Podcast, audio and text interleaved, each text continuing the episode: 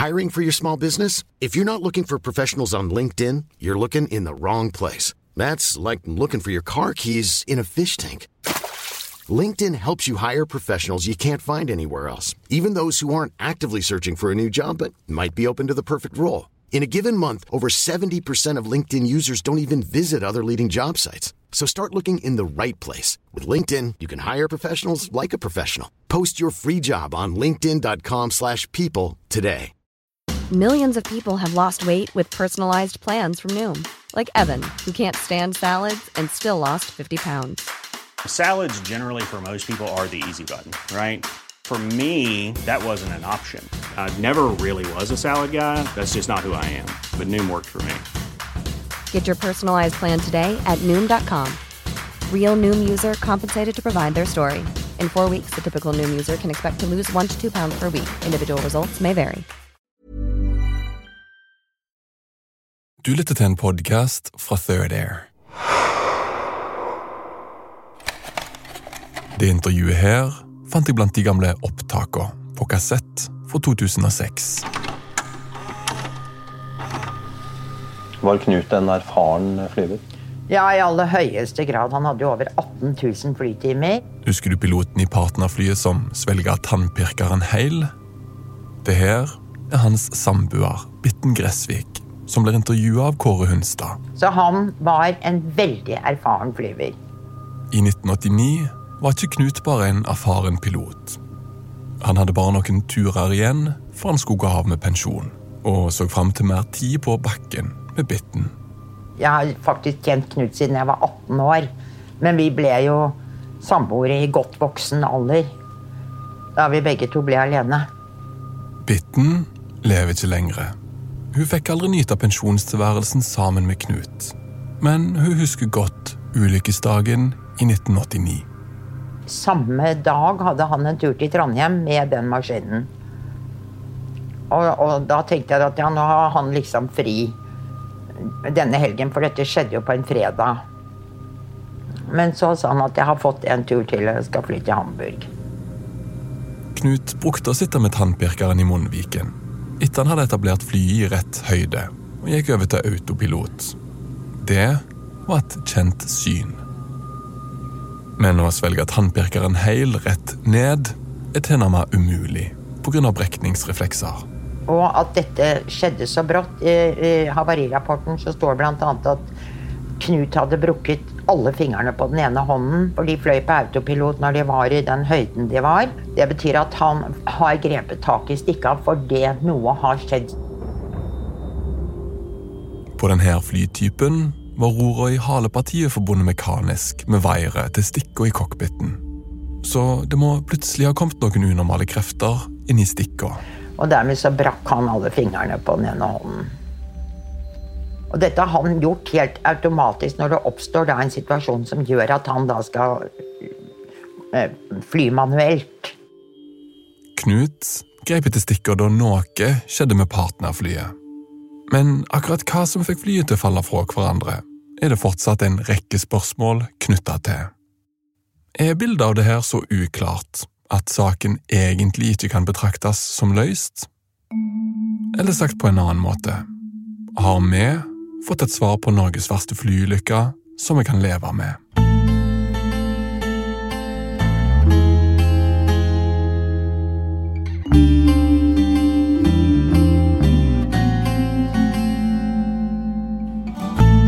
Piloten knækkede fingrene i samme øjeblik noget gik galt. Nogle få minutter senere styrtede flyet i havet. Det tog Havarikommissionen mere end tre år at skrive sin rapport. Siden da har diskussionen om, hva der egentlig skete, pågået i mer end 30 år. Bitten lever ikke længere. Thorsen-brødrene er mer end 80 år gamle. Der er kun en av dem, som skrev rapporten til Havarikommissionen, der stadig er i live. En hel del vidner og eksperter lever heller ikke længere. Og en av dem, der ikke gjør det, det er den svenske ekspert i aerodynamik, Ingmar Lind. For nogle år tilbage så gennemgik han rapporten på bestilling fra Thorsen-brødrene. Det er for sent at tale med ham nu, men Kåre Hund stadig nåede at interviewe ham. Og hvad han fandt ud af, Det får du å høre lige om litt. Hvordan, hvordan forstår du havarikommissionens konklusioner? Jeg anser at uh, konklusioner konklusjoner er feilaktige. Hva er feil? Det fins moment som er korrekte i resonnementet, men slutsatsene er feilaktige. Der er efterhånden ikke mange av de sentrale folk i saken, der stadig er i live. Og kanskje er det derfor, der netop nå er fornyet interesse for partnersaken. Hvis vi skal finne ut av noe mer, så skal det være snart. I den femte og forløbig sidste episode af Partnermysteriet er der et spørgsmål, der optager Lars Christian Øverland. Kan vi leve med sakens konklusion, sådan som den står nu? Jeg hedder Rasmus Spitz, og Lars Christian begynder med at samle op på alt det, han har fundet ud af indtil nu. Til nå har vi sett på saken hvor et norsk fly falt ned fra himmelen i 1989. Med de uheldige vinnerne av et lotteri fra Wilhelmsen Lines om bord. Gjennom de fire forrige episodene kaster vi et kritisk blikk på flere av brikkene som ikke passer inn i det offisielle bildet. Her kommer en kort oppsummering. De to første ukene etter havariet forteller Forsvaret forskjellige versjoner av at de ikke har noe fly nær ulykka. Det var ingen militær trafikk i området. Før pressen avslører at et norsk F-16 jagerfly var det siste vitnet til ulykkesflyet før det styrta. Hva tenker du om påstanden om at Forsvaret har dekka over eller løyet i den saken her? Ja, Det ser jeg helt bort ifra. Det har vi ikke gjort.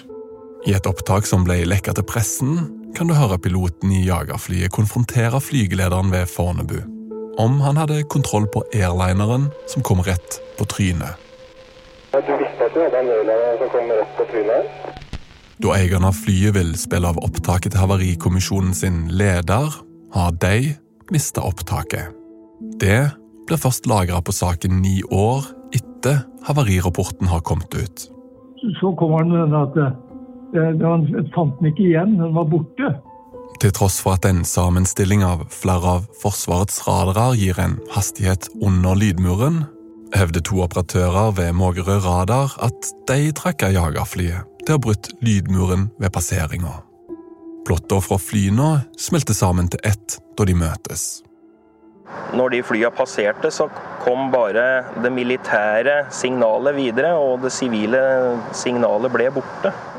Radaren høyest oppe i et Avex Nato-fly mangler teipen av akkurat de minutter jagerflyet passerer ulykkesflyet.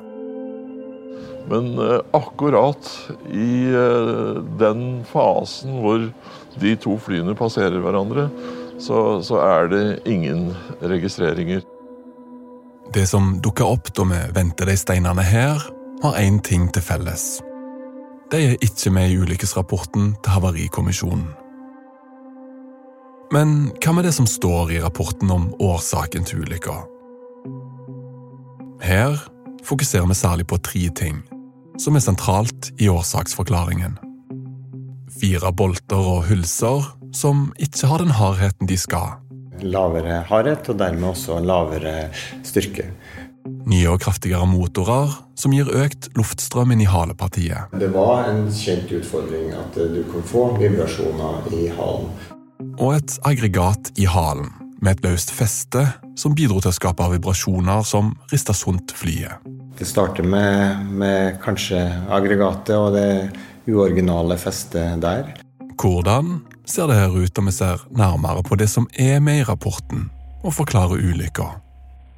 I den historien her finnes det et fly til, som passerte partnerflyet minutter før det havarerte, men som ikke gikk i tusen knas. Hva skjedde med det? Og piloten? Det siste vitnet til ulykkesflyet?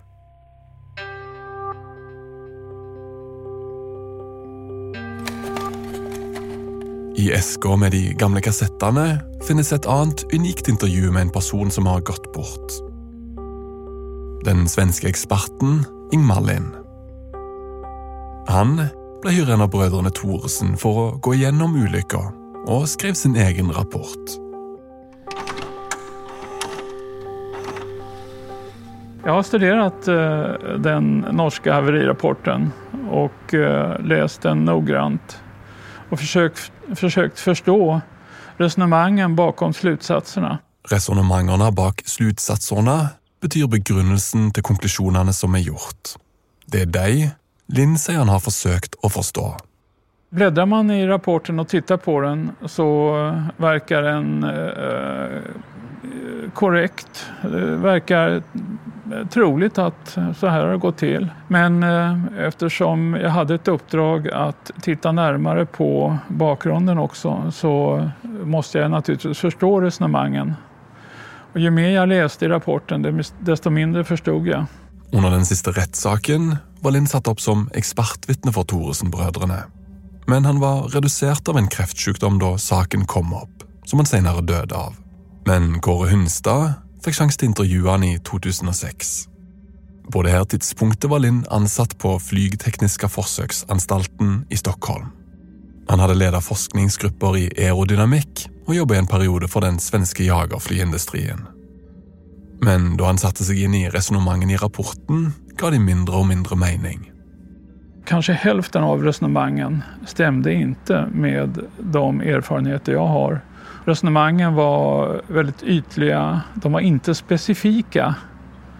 Gikk ikke inn på hvordan mekanismene skulle kunne se ut. Det var mer catchwords. Linn går hardt ut i intervjuet.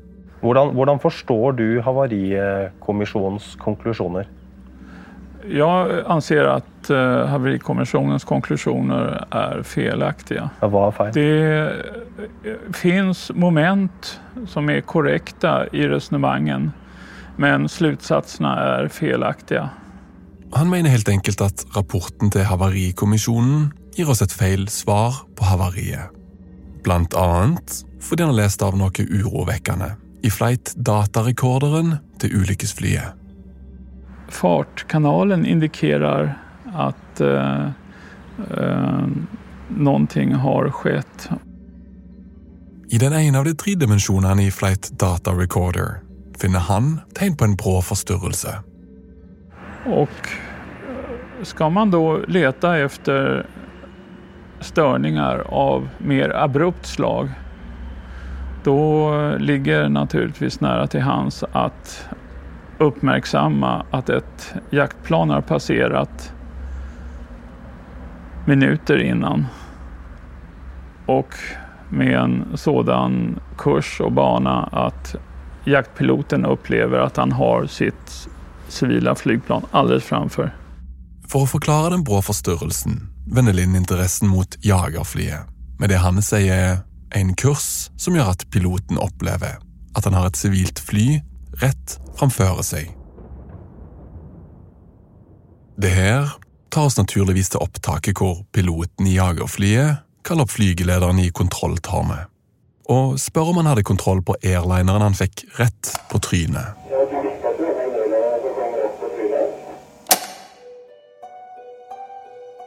For hadde ikke den teipen blitt lekka til VG, så kan det tenkes at vi ikke hadde visst at jagerflyet var i luftrommet den dagen.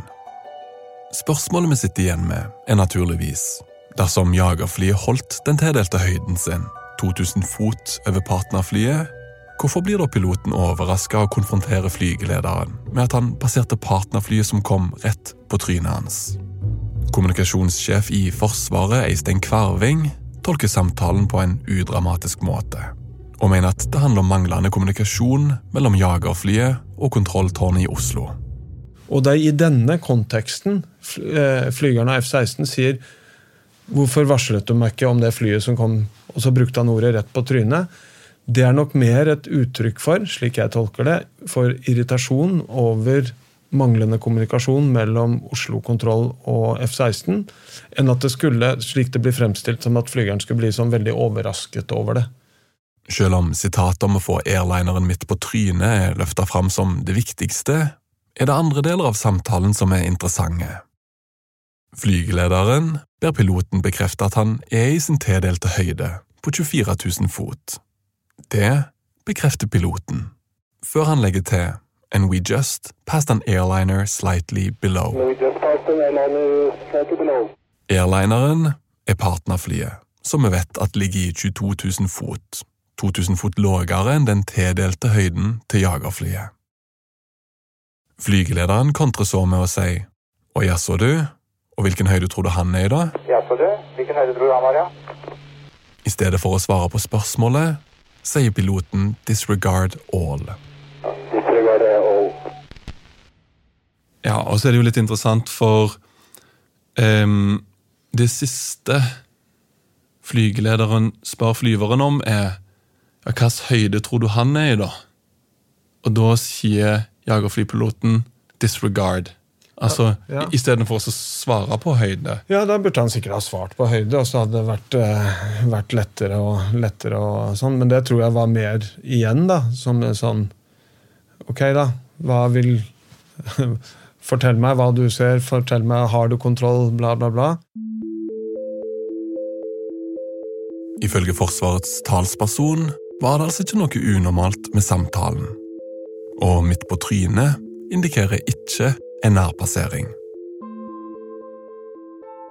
Det er selvsagt rart at jeg og talspersonen til Forsvaret skal ha meninger om en samtale ingen av oss var en del av.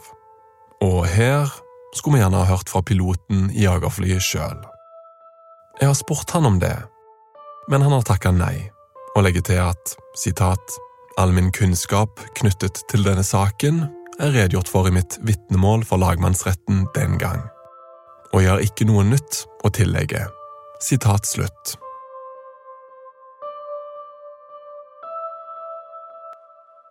Men hvordan samtalen ble oppfatta på andre sida i kontrolltårnet, vet vi noe om. Blant kassettene med gamle opptak finnes én merka flygeleder Fornebu. Det er Kåre Hunstad som intervjuer han i 2007. Det er jo på det rene at partnerflyet og F-16-maskinen passerte hverandre i lufta. Kort tid etter denne passeringen så anroper F-16-maskinen deg. Kan du huske hva han sa? Den første rapporten var jo normal. Det andre anropet var jo unormalt. Og det husker jeg.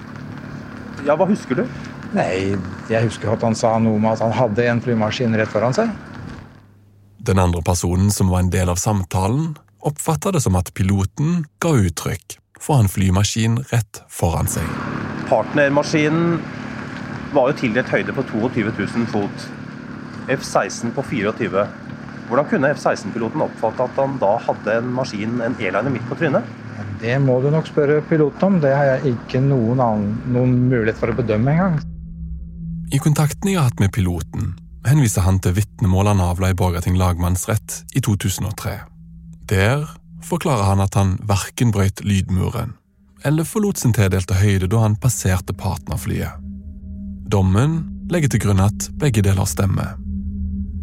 Det her er en historie som koker ned til noen få minutter. Fra det tidspunktet jagerflyet og partnerflyet er på vei mot hverandre. Noen få avgjørende minutter der partnerflyet plutselig styrter. Minutter etter jagerflyet passerte, blant annet av noen bolter som var for mjuke og tillot vibrasjoner, som Havarikommisjonen konkluderer med. Det er altså en historie om menneskelig tragedie. Men den handler like mye om teknikk og mekaniske krefter. Akkurat det er helt sentralt å forstå. Om du googler partner og bolter, og velger image, så får du opp fire blanke bolter. Det her er boltene og hylsene som forbandt halen på flyet til resten av kroppen. Men de var mjukere enn tillatt, og ifølge rapporten har nettopp det gitt muligheten for vibrasjonene som rista sunt flyet. De fire boltene er både den viktigste faktoren til ulykka i rapporten, og den delen av forklaringen som har fått mest kritikk. Og for å forstå kritikken har jeg prata med to mekanikere som jobber med samme Convair flytype, og en som er både pilot og flymekaniker, som har flydd partnerflyet som styrta. På slutten av 80-tallet hadde SAS flere Convair-maskiner av samme type, og mekaniker Freddy Siljebakken har tilbrakt mange timer i halepartiet på flytypen. Jeg har tatt ut utallig av, de, de hylsene og de boltene, og jeg har brosja utallig av de beslagene. Så jeg, jeg, jeg veit hva, hva, det dreier seg om. Han har ikke bare bytta ut tallige av de boltene her.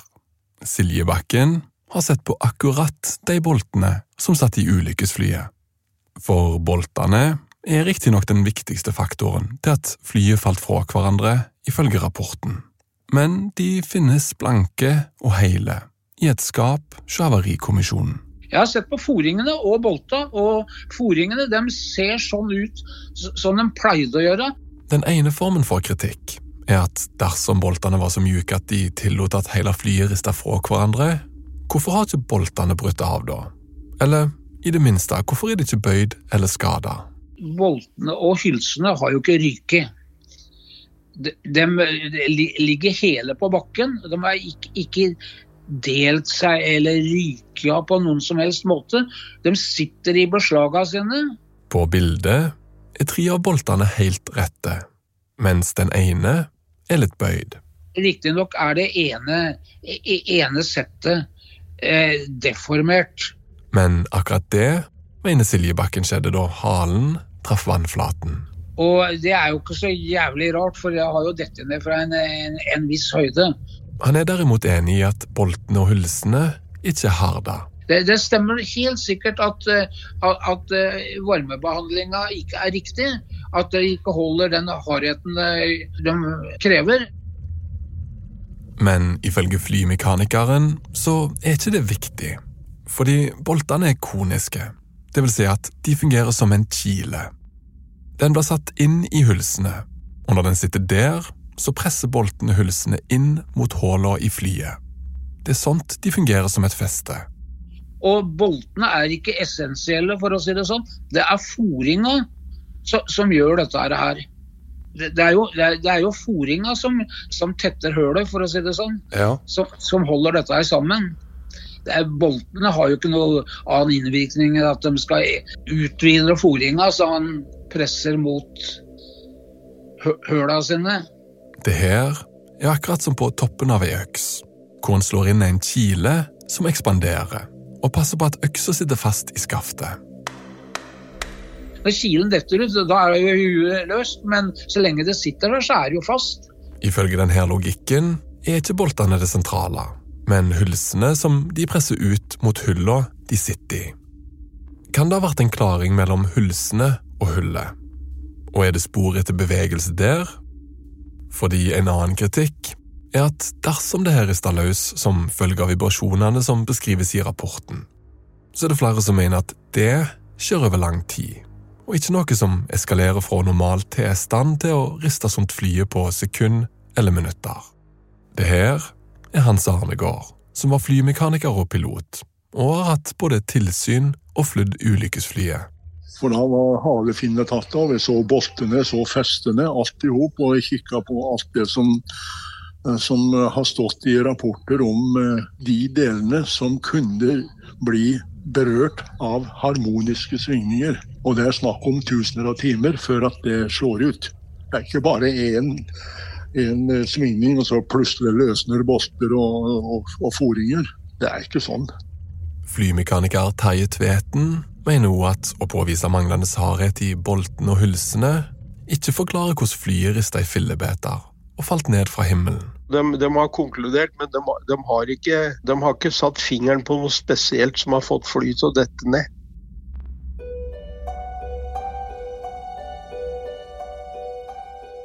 Det spørsmålet her tar jeg til Tor Nørstegård i Havarikommisjonen.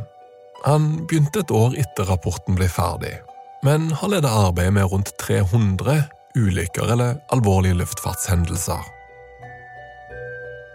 Men først skal du vite hva harmoniske svingninger er. Det er komplisert, men forenkla handler om vibrasjoner eller bølger som går i pluss og minus i frekvens. Når grunnsvingningen til to forskjellige ting som vibrerer, kommer samtidig, har du harmoniske svingninger, som kan gi kraftigere utslag. Det er en viktig del av forklaringa til at flyet rister løs i rapporten. Har du, har du sett noen ulykker hvor fly rister ifra hverandre som følge av harmoniske svingninger før? Det kan jeg vel ikke huske har skjedd eh, i den perioden jeg har vært her. Men det sentrale har øye på her, er om det er mykheten til boltene som er problemet, eller om vibrasjonene som rapporten beskriver at har rista sånt flyet, kommer fra hylsene og hullene i flyet, som hylsene sitter i. Og dersom det er det siste, har rapporten sett på nettopp det?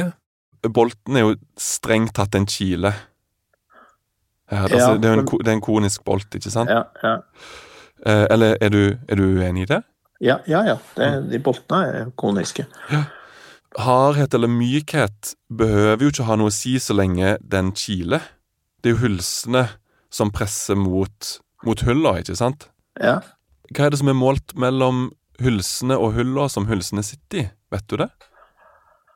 Nei, eh, det har jeg ikke sett det står i rapporten. Det er mulig det står i, i, eh, i underlagsrapportene, men eh, det er jo sannsynligvis når du får så store belastninger at de fire brakettene blir revet ut av eh, resten av eh, finna, så er det jo sannsynlig at også de belastningene er så store at du får Det er jo vel nevnt at hullene er blitt ovale, sånn at det du det som var målt på de detaljene etter havariet, er jo ikke nødvendigvis de, de dimensjonene som var der eh, når de, det her eh, problemet oppsto.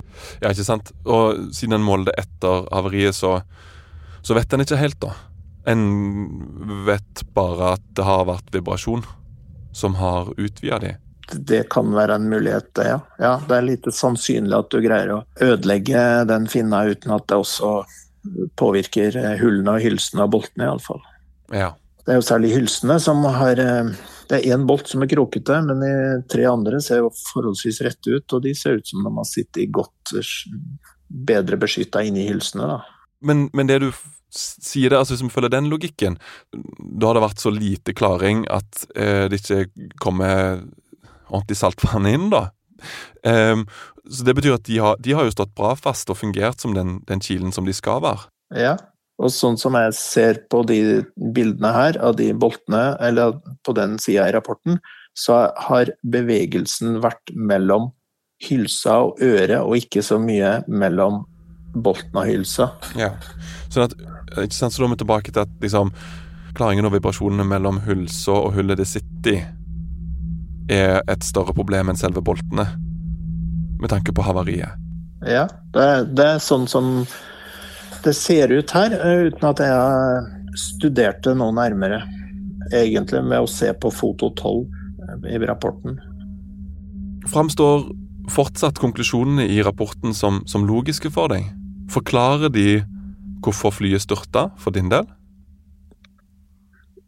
Ja, jeg vil mene at eh, det, det, det fins ingen andre forklaringer, sånn som jeg ser det. Og jeg syns at den uh, forklaringa som er gitt i rapporten, eh, den er, eh, den er eh, bygd på så godt grunnlag som jeg mener det er mulig å få ut av den, uten at jeg skal direkte forsvare det arbeidet som er gjort. Jeg kjente jo personene som jobba med det her, og eh, jeg mener de eh, gjorde så god jobb som det var overhodet mulig å gjøre. Ja, det har vært et grundig arbeid. Boltene har altså fungert som den kilen de er. Og det viktigste stedet som vibrasjonene har spilt seg ut, er mellom hulsene og hullet i flyet. Men havarirapporten beskriver ikke klaringa eller vibrasjonene i det området. Så vi vet ikke noe mer enn det om hovedårsaken til vibrasjonene som rista flyet fra hverandre.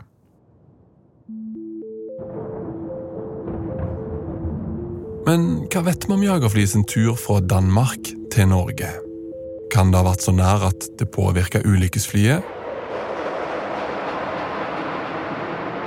F-16-flyet var i Danmark for å hente en offiser, og tok av fra Aalborg 1620.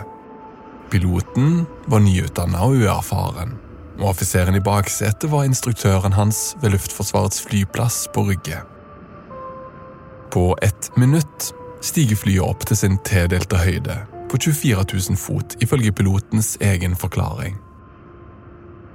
Og ifølge begge om bord brøyt de aldri lydmuren.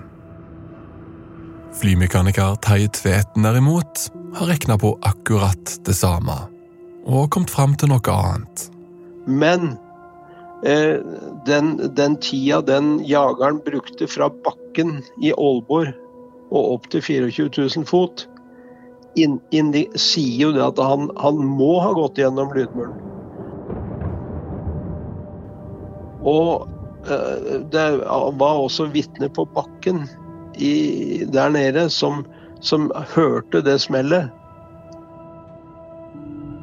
Flere av de tolv vitnene avhørt av dansk politi forteller om tordenskrallen, til tross for at det ikke var torden. Men det er jo to dokumenter som viser vitneutsagn som eksplisitt nevner at lyden minner om et fly som bryter lydmuren. Men akkurat her har ikke et brudd på lydmuren noe å si for ulykka. Flyene er fortsatt langt fra hverandre. For egentlig koker hele denne historien her ned til noen få minutter i lufta, da de to flyene passerer hverandre klokka 16.29, ni minutter etter takeoff fra Aalborg. Ifølge piloten sin vitneforklaring i lagmannsretten forlot han aldri sin tildelte høyde på 24 000 fot. Og det støttes av flere radarobservasjoner. Men Eivind Pedersen, journalisten som tok bilde av ulykkesstedet fra et lite fly, har et dokument fra Mågerø Radar som går imot nettopp det. Det viktigste her er jo, er jo denne ene opplysningen om at F-16 var nede i 21,9. 21 900 fots høyde. Ja, som du kanskje husker, er ikke radarplott presise. Men ifølge det her lå jagerflyet 100 fot lavere enn partnerflyet like før passeringa. Det er samme observasjon som den svenske radaroperatøren kom fram til i forrige episode, før han endra oppfatning etter å ha prata med en av inspektørene i Havarikommisjonen. Men her, akkurat under passeringa, er det et annet dokument som er verdt å nevne. På spørsmål syntes han i underkant av én nautisk var i mesterlaget. Dokumentet som Eivind sitter på, har noen håndskrevne notater fra en inspektør i Havarikommisjonen. Han har ringt piloten, og i notatene på dette dokumentet forteller piloten at han var mye nærmere enn det han sier i lagmannsretten 15 år senere. Nå er det ikke lenger 2000 fot mellom de to flyene, men 500 fot altså 150 meter. Det er havariinspektør Jon Pran som har skrevet dokumentet under en telefonsamtale med piloten. It's that time of the year. Your vacation is coming. You can already hear the beach waves, feel the warm breeze, relax and think about work. You really, really want it all to work out while you're away. Monday.com gives you and the team that peace of mind. When all work is on one platform and everyone's in sync, things just flow wherever you are. Tap the banner to go to Monday.com. Many of us have those stubborn pounds that seem impossible to lose, no matter how good we eat or how hard we work out. My solution is PlushCare. PlushCare is a leading telehealth provider with doctors who are there for you day and night to partner with you in your weight loss journey. They can prescribe FDA-approved weight loss medications like Wagovi and Zepbound for those who qualify. Plus, they accept most insurance plans. To get started, visit plushcare.com slash weight loss. That's plushcare.com slash weight loss. If you're looking for plump lips that last, you need to know about Juvederm lip fillers. With Juvederm Volbella XC and Juvederm Ultra XC, your lip look, whether it's subtle or bold, can last up to one full year with optimal treatment and no additional maintenance. Find a licensed specialist and see if it's right for you at juvederm.com today. That's J U V E D E R M.com. Add fullness to lips in adults over 21 with Juvederm Volbella XC or Juvederm Ultra XC. Do not use if you have severe allergies or a history of severe allergic reactions, or if you're you're allergic to lidocaine or the proteins used in Juvederm. Tell your doctor if you have a history of scarring or taking medicines that decrease the body's immune response or that can prolong bleeding. Common side effects include injection site redness, swelling, pain, tenderness, firmness, lumps, bumps, bruising, discoloration, or itching. As with all fillers, there's a rare risk of unintentional injection into a blood vessel, which can cause vision abnormalities, blindness, stroke, temporary scabs, or scarring. For full important safety information, visit juvederm.com. Millions of people have lost weight with personalized plans from Noom, like Evan, who can't stand salads and still lost 50 pounds. Salads, generally, for most people, are the easy button, right? For me, that wasn't an option. I never really was a salad guy. That's just not who I am. But Noom worked for me. Get your personalized plan today at Noom.com. Real Noom user compensated to provide their story. In four weeks, the typical Noom user can expect to lose one to two pounds per week. Individual results may vary. Som dere kanskje husker, har jeg forsøkt å komme i kontakt med Pran tidligere, men han takka nei fordi han hadde mista stemmen. Har piloten oppgitt en distanse på 500 fot, og så har Pran flytta jagerflyet lengre bort fra partnerflyet i dokumentet. Jeg sender dokumentet til Pran på SMS og spør hva er grunnen til at jagerflypiloten anslår en avstand til partnerflyet på ca. 500 fot, mens når du dokumenterer observasjonen hans, er den flytta til 1000 til 2000 fot i det samme dokumentet. Pran svarer ikke på tekstmeldingen. I dommen i lagmannsretten forklarer piloten at de holdt en hastighet på 0,85 til 0,90 Mach. Én Mach er verdien hvor lydmuren brytes. Offiseren i baksetet anslår hastigheten til å ha vært 0,94 til 0,96 Mach, altså like under lydmuren. Under vitnemålet er begge to bestemte på at jagerflyet aldri forlot sin tildelte høyde under overfarten.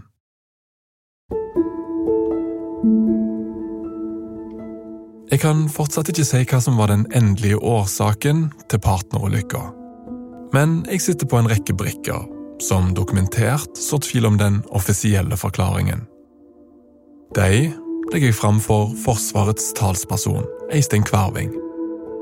Den unormale samtalen mellom piloten og tårnet rader observasjonen som indikerer at flyene har vært på samme høyde, at piloten sjøl like etter ulykka beregner avstand til partnerflyet til ca. 500 fot, og at AVEX-radaren mangler opptak av jagerflyet akkurat under passeringa. Jeg skjønner at det kan være liksom grunnlag for konspirasjon, men samtidig så er det igjen Da vil gjerne peke på summen av informasjon og summen av vitner som er ført, data som er fremlagt for retten, eh, som jo har ledet dem til denne veldig eh, klare konklusjonen om at det ikke var noe sammenheng. Uh, igjen så må jeg få lov til å korrigere deg litt, fordi at det leder ikke til konspirasjon, det, det leder til at en stiller spørsmål. Ja, og, og, og, spørsmålene som jeg stiller, er fundert på dokumenter og ting som jeg kan bevise. Igjen, det var ikke rettet mot deg. Ja, det er bra. Det tatt. Det, det går fint. Da kan jeg rette på det. At jeg, jeg skjønner at sånne ting leder til spørsmål. Ja.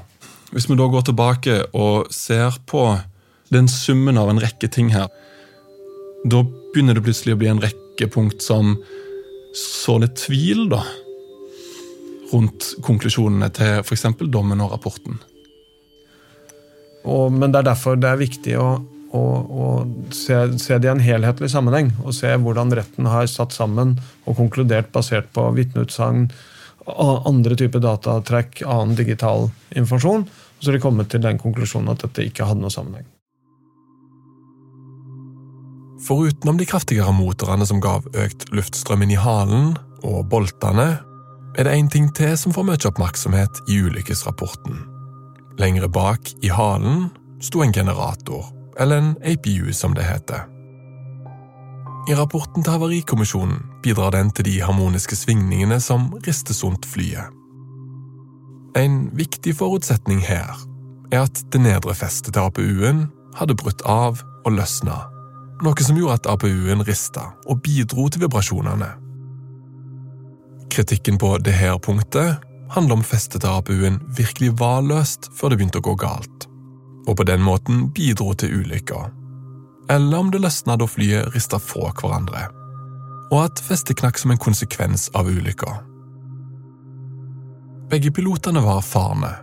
Til sammen hadde de flydd mer enn 30 000 timer. Som du kanskje husker, fortalte Bitten, partneren til den ene piloten, at han hadde flydd tur-retur Trondheim med ulykkesflyet tidligere den dagen.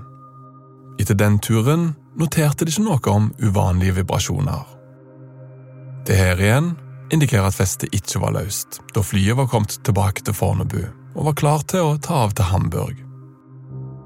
Kåre Hunstad stilte akkurat dette spørsmålet til Bitten.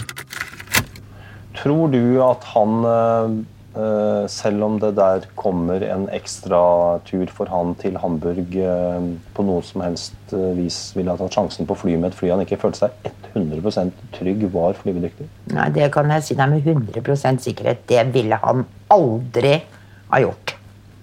Aldri. Hans Arnegård er flymekaniker og pilot. Jobba for partner noen år før ulykka og kjenner flyet godt. Så jeg både, både jobba som mekaniker på, på de flyene der, og jeg fløy dem. En annen del av kritikken handler om at det alltid er vibrasjoner i fly. Men unormale vibrasjoner er noe pilotene er vare for. Og dersom festet var løst og APU-en vibrerte, så ville pilotene ha merka det. Det naturlige da er å senke hastigheten og feilsøke seg fram til vibrasjonene for å få kontroll. Men pilotene senker aldri hastigheten under ulykkesturen. Tvert imot ble motorene funnet i cruise da de ble henta opp av havet. Altså, de gikk i normal hastighet helt til det sa plask. De brukte APU-generatoren. Og den fikk også noe av skylda for at, eh, at det vibrerte i halen. Men da tror jeg ikke at gutta ville ha flydd den hvis de merka at det var mer vibrasjon enn som så. Og For det vil de, ha, de vil ha merka det hvis den sto og vibrerte? Ja, ja. Det ville de ha merka med en eneste gang. Det er det som, som Havarikommisjonen de påstår, at det nøderfestet det var godt før at de dro. Og det tror jeg ikke på. Arnegård peker på at APU-en hadde tre fester, som sto i en trikant. To oppe og ett nede alene. De to oppe sto på samme linje og avlasta hverandre. Mens det som sto alene nede, tålte mindre, og naturligvis røyk det først. Men han mener at det har skjedd etter ulykka spilte seg ut, da alt sammen datt fra hverandre. Og når det blir sånne vibrasjoner som det ble i halen ved, ved flytter, så er det klart at noe må ryke, for alt i hop røyk, røyk jo til slutt.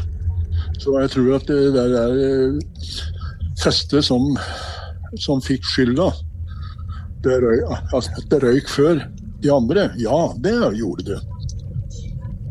Men det var når ulykka var et faktum.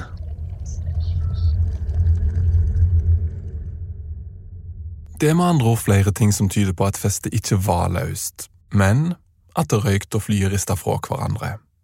Jeg tar det her opp med leder for luftfart ved Havarikommisjonen i dag, Kåre Halvorsen.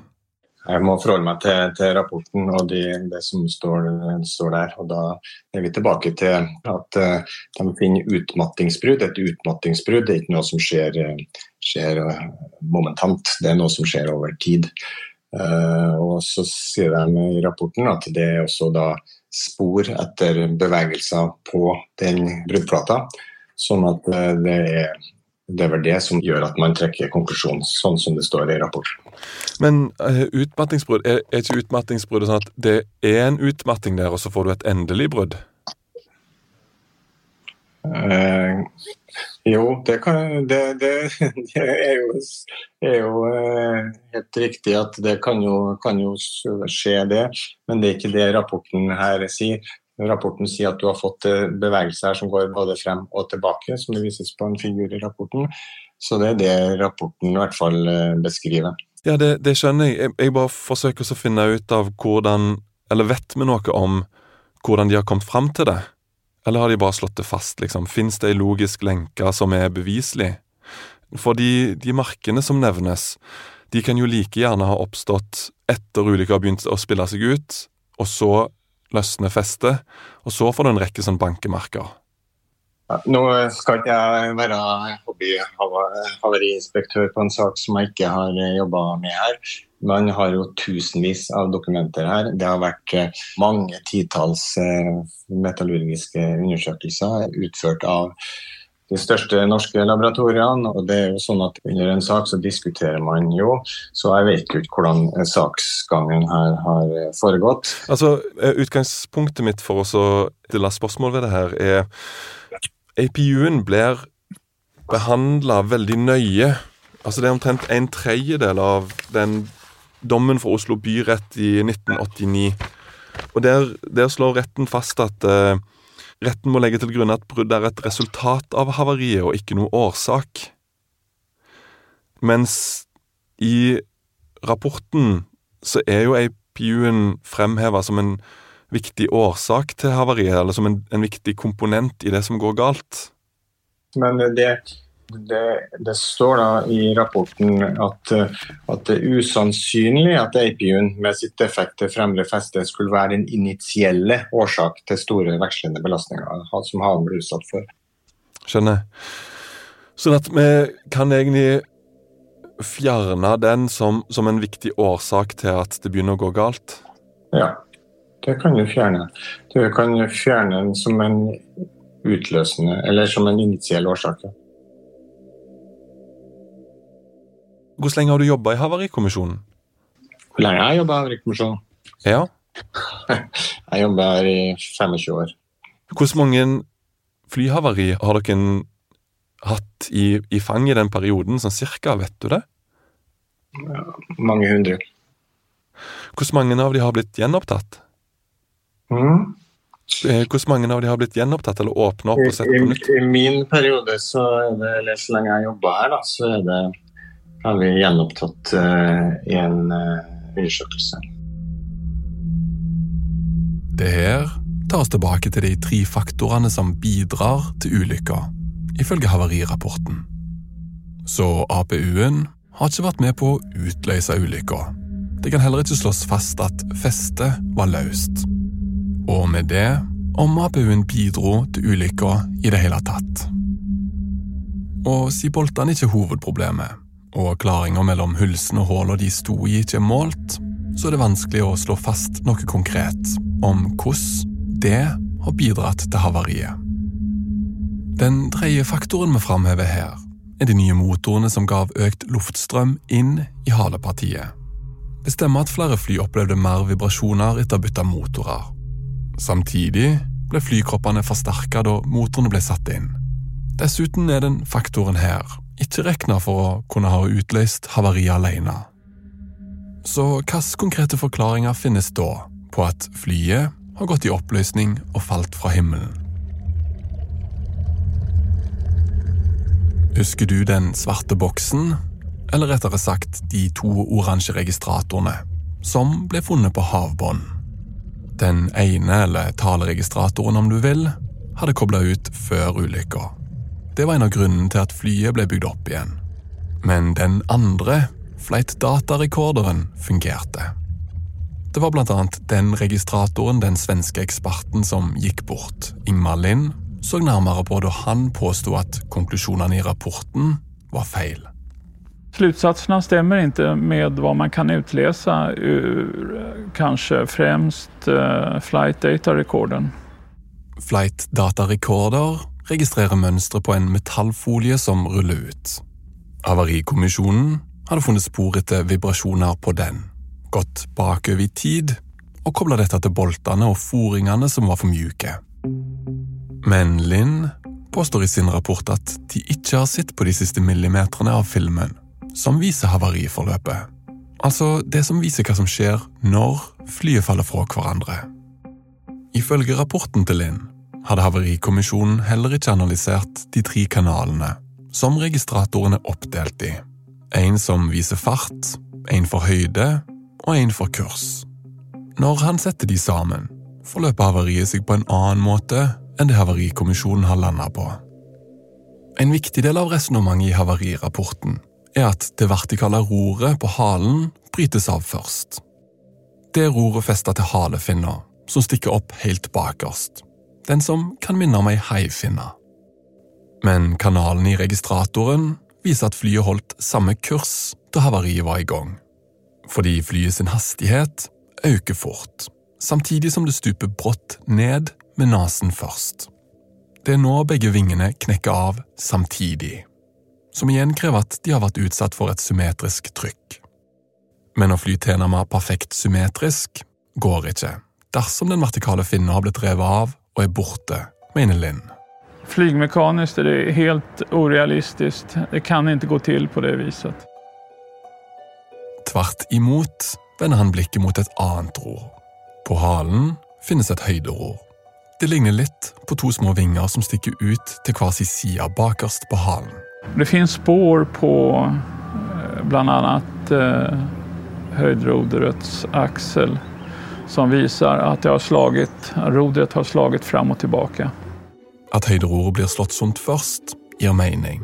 Om flyet har holdt stabil kurs, men plutselig har stupt nedover. Men det er en annen ting som er viktig her. Fordi Linn er sikker på at det ikke er indre årsaker som har ødelagt denne finna. Tvert imot mener han at det er noe utenfor som gir flyet problemer. Da ligger naturligvis nære til hans at oppmerksomme at et jaktplan har passerat minutter innan. Denne delen av Linsen teori forutsetter to ting. For det første må jagerflyet ha vært nær. Her legger Lind til grunne den første forklaringen piloten avgir til Havarikommisjonen, som var en avstand på 500 fot, og at opptaket mellom piloten og flygelederen indikerer en nærpassering.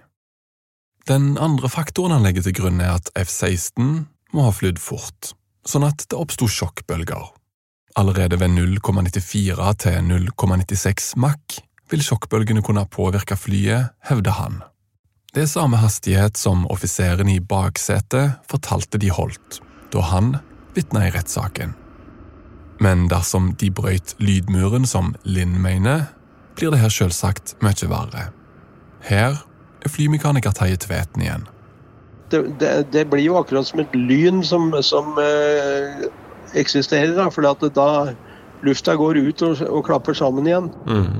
Og så kommer den smellen. Lufta som klapper sammen, gir smellet en hører. Det som kan minne om torden. Men når lufta er skjøvet bort, oppstår et vakuum. Du, du, mister omgivelsene dine når du kommer inn i de sjokkbølgene, fordi at rora som, som, som sitter på den kolmeren, de, de, de får ikke noe å jobbe med.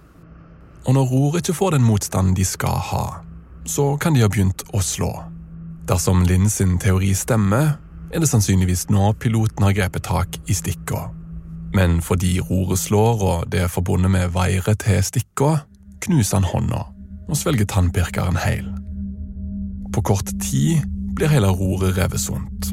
Det her igjen, sammen med den økte farten han leste av på flight datarekorderen, skal ha skapt flytter noen voldeligere vibrasjoner som rev maskinen fra hverandre, ifølge den svenske eksperten. Til rettssaken i 2003 henta regjeringsadvokaten inn en annen rapport, som utelukka at sjokkbølgene kunne ha skada partnerflyet. Men rapporten legger til grunn at det var 2000 fots høydeforskjell mellom flyene ved passering. SF Dynamics i Sverige har gått gjennom Linn sin rapport på nytt.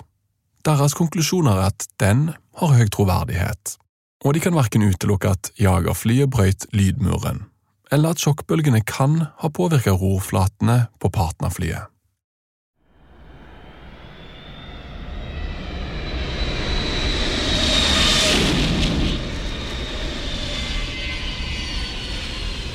Klokka 16.40 på ulykkesdagen treffer hjulene til Forsvarets F-16 jagerfly asfalten på Rygge flyplass. Vi vet at piloten og instruktøren hans tar av seg hjelmene, og sannsynligvis går de stigen ned fra flyet. Og akkurat her, på vei ned til bakken, passerer de en viktig liten detalj som vi mangler i denne saken. Det som kunne gitt oss et endelig svar, med to streker under på spørsmålet. Brøyt jagerflyet lydmuren da det passerte partnerflyet. Det her er flymekaniker Terje Tveten igjen. så på høyre side av stigen som han krabber opp på, der, der er ei lita smal luke. Og der, eh, der setter de inn en kassett. Denne kassetten er ferdskriveren til jagerflyet. Og i den var det presis informasjon fra overfarten. Vil, ville den vist eh, nøyaktig hvilken hastighet jagerflyet fløy i? Helt garantert. Samme ettermiddag kontakter flygelederen ved Fornebu Luftforsvarets flyplass på Rygge. Det her er samme flygeleder som hadde den merkverdige samtalen med piloten litt tidligere på dagen. Men nå er partnerulykka blitt et faktum, og flygelederen følger rutinene sine, da han henvender seg for å få informasjon fra det siste vitnet til ulykkesflyet. Til tross for det blir ikke ferdskriveren sikra. Den blir heller ikke overlevert til Havarikommisjonen senere. Jeg spør Forsvarets talsperson Eistein Kvarving om hvor den har tatt veien. Men, men hva, hva skjedde med ferdskriveren? Det, det, vet ikke jeg. Eh, det vet jeg ikke. Det ser rett og slett ut som om den har blitt borte.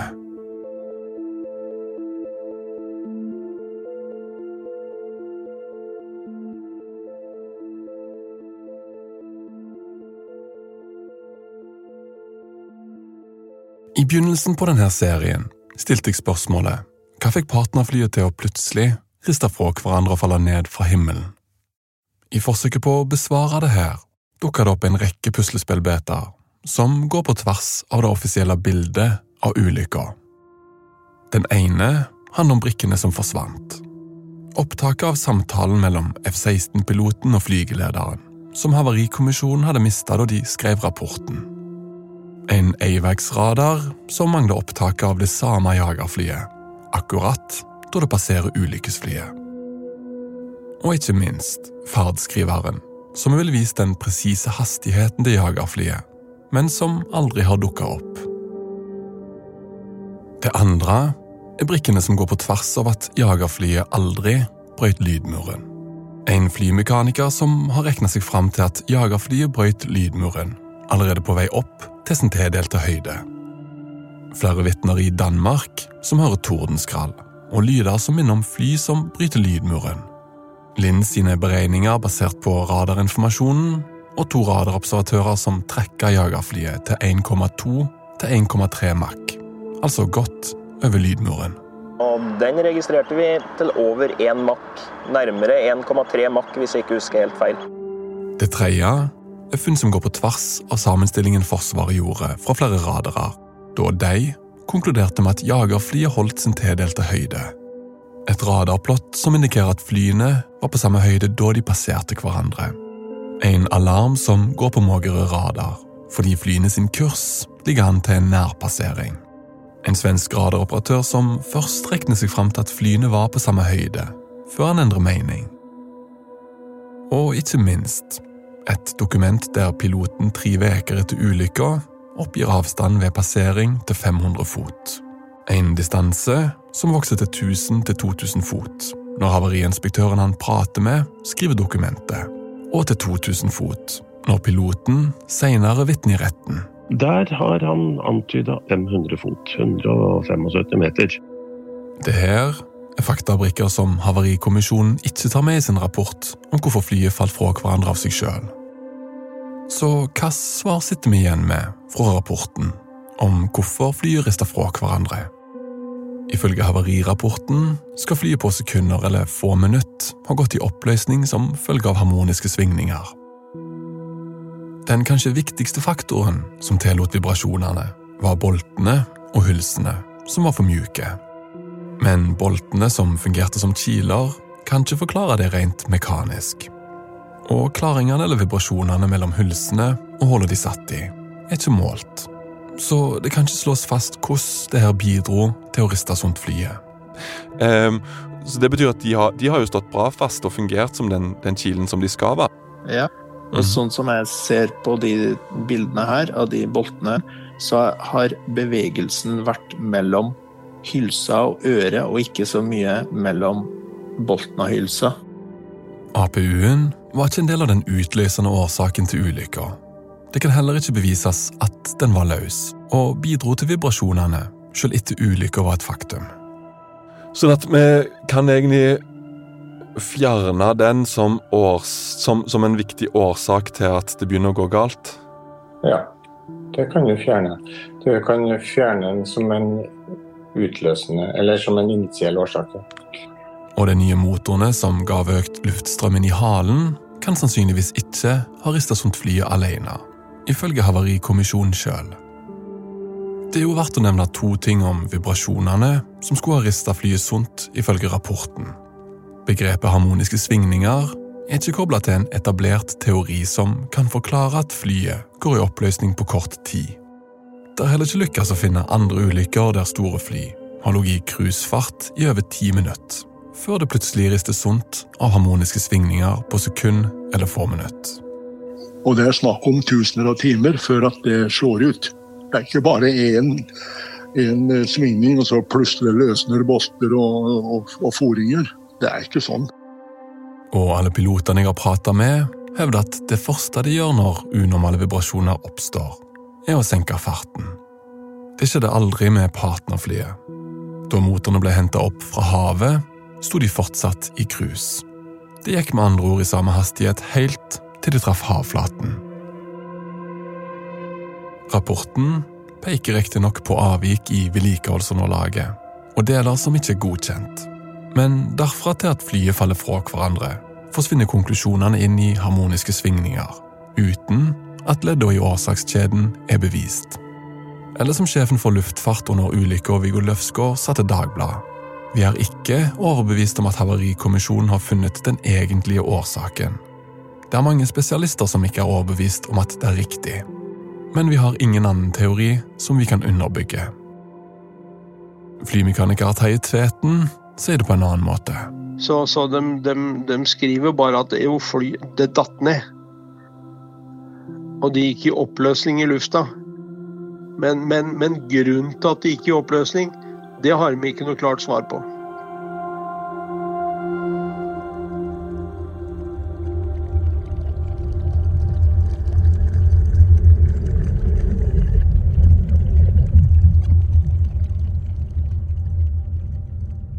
så har vi fått et svar på Norges verste flyulykke som vi kan leve med.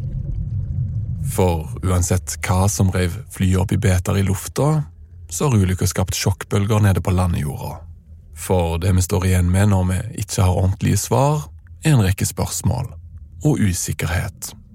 Det er noe som sprer seg, og får konsekvenser for en rekke mennesker.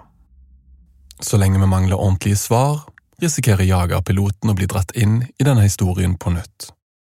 Eivind Pedersen, journalisten som tok bilde av ulykkesstedet fra et lite fly, har ikke fått de svarene han vil ha, og kjenner han rett, kommer han til å fortsette å lete, helt til alt er framme i lyset. Jeg har i mange, mange år hatt en veldig vond følelse av at her er noen som skjuler noe. Og det, det, er ikke noe, det er ikke noen god følelse. I de 30 åra som har gått siden ulykka, har to brødre blitt pekt på som syndebukker. Eierne Rolf og Terje Thoresen har fortsatt en børa hengende over seg i en alder av 80. Sannsynligvis kommer de til å ta den med seg i grava. Føler du at du har fått skylda for at 55 mennesker omkom? Det er åpenbart. Ja, hvordan er det å leve med det? Til sine tider helt forferdelig. Bitten kan ikke tale sin sak lenger, men ifølge opptakene fra 2007 gikk hun bort uten å få de svarene som kunne gi henne fred. Og Etter hvert så får du da, eh, kommer det da en konklusjon fra Flyhavarikommisjonen? Ja, og den konklusjonen den må jeg si er eh, så diffus og så Eh, åpen at den har jeg aldri kunnet slå meg til ro med. Du mener da at denne flyulykken burde vært gjenopptatt og etterforsket ytterligere? Absolutt. Absolutt. Jeg vil aldri få helt fred til jeg får et svar.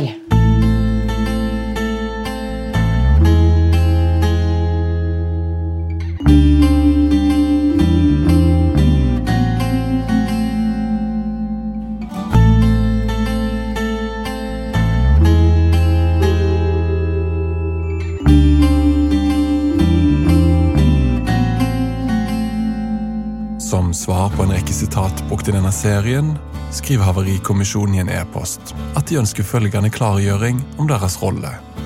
Formålet med deres sikkerhetsundersøkelser er å utrede forhold som kan forebygge ulykker.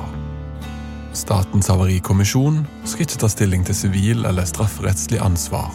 Det skal domstolene gjøre, basert på egne bevis. Havarikommisjonen kan innhente all informasjon de etterspør under en undersøkelse, og kan benytte all ekspertise de finner nødvendig. En rekke av de fremste ekspertene fra inn- og utland ble benyttet under undersøkelsen av partnerulykker. Havarikommisjonens utkast til ulykkesrapporter ble sendt til de berørte parter for uttalelse, vurdering eller tilbakemelding. De foretar justeringer av eventuelle faktafeil før den endelige rapporten blir offentliggjort. Forsvaret hevder at de har vært åpne om alt i to runder, da Havarikommisjonen skrev sin rapport og da saken var oppe i lagmannsretten. Begge konkluderer med at jagerflyet ikke hadde noe med ulykke å gjøre. Du har hørt på femte og foreløpig siste episode av Partnermysteriet.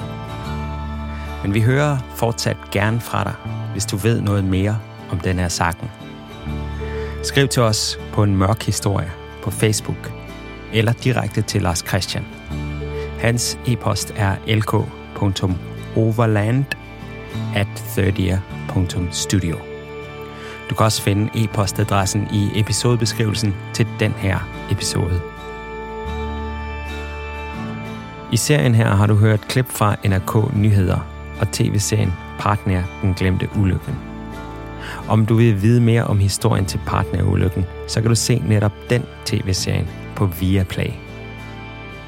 Tak til Alexander Visting, Morten Ottesen og Kjetil Stormark fra Tellus Works for hjelp til produktionen. Serien er taget op, skrevet og produceret af Lars Christian Øverland. Klip og lyddesign er mig. Jeg hedder Rasmus Spitz. Lydmix er Anne Obel. Vi kunne ikke have produceret den her serie uden hjælp fra Kåre Hundstad, Børge Solem og Eivind Pedersen. Executive producent på 30 er David Mer, og ansvarlig udgiver er Martin Jonsson.